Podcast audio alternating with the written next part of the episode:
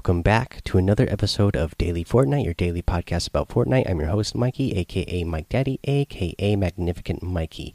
Let's get into a little bit of news here. First thing first, the ruin is coming. I'm sure you guys have seen this in the news feed in game. Uh, yeah, really awesome looking uh, little piece of uh, teaser that we get here. Bright glowing eyes looks like a mean looking mask uh, looks like that whatever it ends up being is going to be really cool really excited for that. Uh, so that's that little bit of news.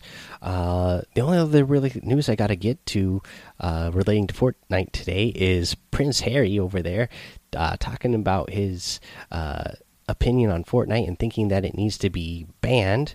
Um, let's see here. I'm going to pull this uh, a quote from BBC article here on uh, Prince Harry's quote. Uh, let, us see what he say. He said, uh, "So at an event at a YMCA in West London, the Duke of uh, Sussex uh, launched a scathing attack on social media and gaming of Fortnite. He said that game shouldn't be allowed. Where is the benefit of having it in your household? It's created." to addict and addiction to keep you in Fort in front of a computer for as long as possible. It's so irresponsible. It's like waiting for the damage to be done and kids turning up on your doorsteps and families being broken down. He added that social media was more addictive than alcohol and drugs. Okay, so here's a guy who, you know, probably doesn't have uh, too much uh, firsthand experience and uh, is commenting on it anyways. Uh, you know, in our uh, community here, uh, I'm not seeing the uh, broken families or anything. In fact, I have seen how uh, gaming and games in general, especially Fortnite uh, itself, can bring people together. I've made tons of friends. Uh, me and my son really bond over playing together. So, don't know if you know what you're talking about there, Prince Harry. So, find something else. You know, your your your mom was real good at, you know, donating and committing time to charities. You should stick to that, I think. Let's see here. What else do we have? Uh, that's all I really got for news. Let's go over the week six challenge list. So, for the week six challenges, we have visit the uh, five highest elevations on the island, visit a wooden rabbit, a stone pig, and a metal llama, eliminate opponents at Lazy Lagoon or Frosty Flights, search where the knife points on the treasure map, uh, land at Fatal Fields, Lazy Lagoon, Shifty Shafts, Frosty Flights, and then uh, Sunny Steps. Uh, use different throwable items in a single match. You have to do two of those in total, uh, and get an elimination with a flint knock pistol or uh, the boom bow. And that's your list of challenges throughout the rest of the week. We'll, we'll go over how to get those done. Uh, let's go ahead, take a little break here, and when we come back, we'll cover the item shop and our tip of the day. Okay, guys, let's go ahead and take a look at the item in the item shop today. It's one of my favorites because we have a lot of the outfits that I love a lot. Uh, for example, the Overtaker outfit, and again, this is um, one that has been modified lately where you can. Uh, change the style and wear it with or without the helmet. Uh, part of this set, you also get the White Squall glider, you also have the whiteout outfit. Again, really love it, especially with the new style where you can wear it with or without the helmet. Uh, let's see here. You got the Shogun outfit. Uh, great one here. You get the Draw Blade Harvesting Tool and the Kabuto Glider. Uh, let's see here. In the daily item section, you get the Rapscallion outfit. This is one I still really like a lot as well. Um, Let's see here. You get the battle pass tiers as well, still for 600 V bucks, 10 tiers, and 500 XP. You got the tracker outfit, the disco fever emote, the spell slinger harvesting tool, and the T pose emote. So a lot of really good stuff in the daily items, you guys. And uh, the featured section, again, some of my favorite outfits. I I own all those outfits in the. Uh, I mean, in the part of the. Uh, uh the Vanishing Point set. Um, really like that one. If you're going to get any of this stuff in the item shop, I would really appreciate it if you use that creator code MikeDaddy M M M I K E D A D D Y in the item shop because it does help support the show. It does help support, uh, you know, the giveaways that we do on the on the stream once a month. Uh, let's see here. Let's go ahead and talk about our tip of the day. And the tip of the day is just to carry the boom bow. This thing is so amazing. Uh, some of you guys in the middle of the night probably saw me post up on in the Discord saying the boom bow is awesome, and I didn't say anything else after that. I was just so excited. I had just uh, got done with a match where just with the Boom Bow, i had six elim six eliminations so i was feeling pretty good about it. But yeah this Boom Bow is crazy good. Uh, it does 100 damage explosive damage instantly to the player. Uh, you know if you hit the player it's going to do 100 explosive damage plus impact damage. So you're going to be hitting them you know where anywhere from 100 uh, 100 to about 135 uh, depending on how hard you hit them so yeah it's pretty awesome. The other thing is man you pull that bow back uh, and it takes you know a little over a second to get it fully drawn but once you have it fully drawn it's pretty much hit scan. It goes across the map really far uh, without any drop off uh, slaying out with this thing I, I would definitely make it part of your loadout.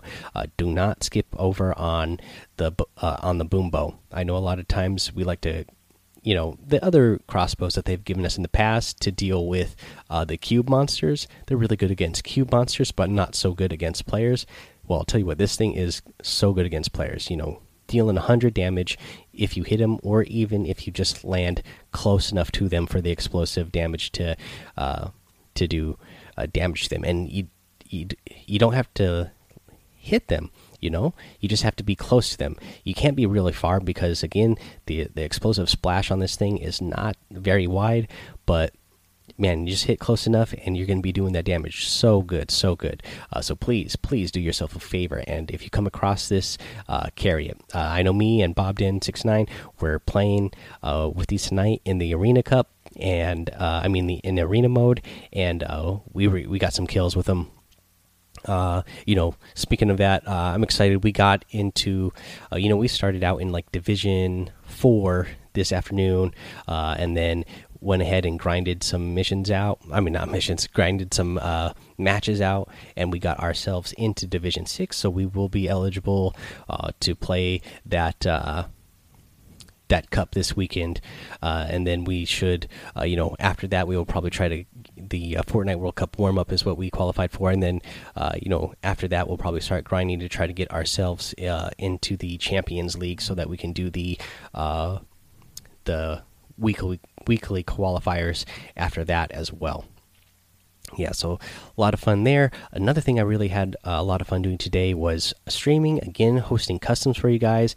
Did it for about an hour or two hours, somewhere in that range. Had a lot of fun hanging out with about about 15 of you or so that were hanging out. A dozen or 15, somewhere around there, of you guys hanging out and uh, doing uh, the customs with me. A lot of fun. Again, you know, we're real new to this community, so uh, some people are losing count, uh, but that's all right. We're not gonna you know nobody's going to be in trouble. If it becomes a repeat thing then that's when we'll start you know having to kick people or throw the hammer down or whatever. But right now we're all new to this. Uh, so you know for now we're still sticking with the fourth storm. Uh, once the storm closes around that fourth circle that's when we start. Uh, don't start before that that means also don't shoot people's shoot down people's builds before that when people are getting set up uh, for uh, the for that circle to start, and don't shoot people's uh, vehicles, especially if they're in the balls. Don't don't shoot them before that uh, circle closes because we want it to be uh, you know a game situation once that circle closes and what it would be like from that point on. Uh, so you know if people are already building themselves themselves up in that circle, don't knock it down and don't uh, you know don't try to destroy their uh, vehicles just because you don't want them to have it at the end. That's uh you know a big part of the meta going on in Fort right now. Fortnite right now is having those balls, so it's something that you're actually going to want to practice against in those game situations. Okay, let's see here, guys. That's going to go ahead and be the end of the episode. So I'll encourage you to go join that daily Fortnite Discord. That's where I post the codes for the customs uh, when we're when we are hosting those, uh, head over to my Twitch and YouTube. When I'm uh, hosting the customs, I will try to be streaming on Twitch. That way we can coordinate when the matches start and everything. Head over to Apple Podcasts, rate, review, and subscribe.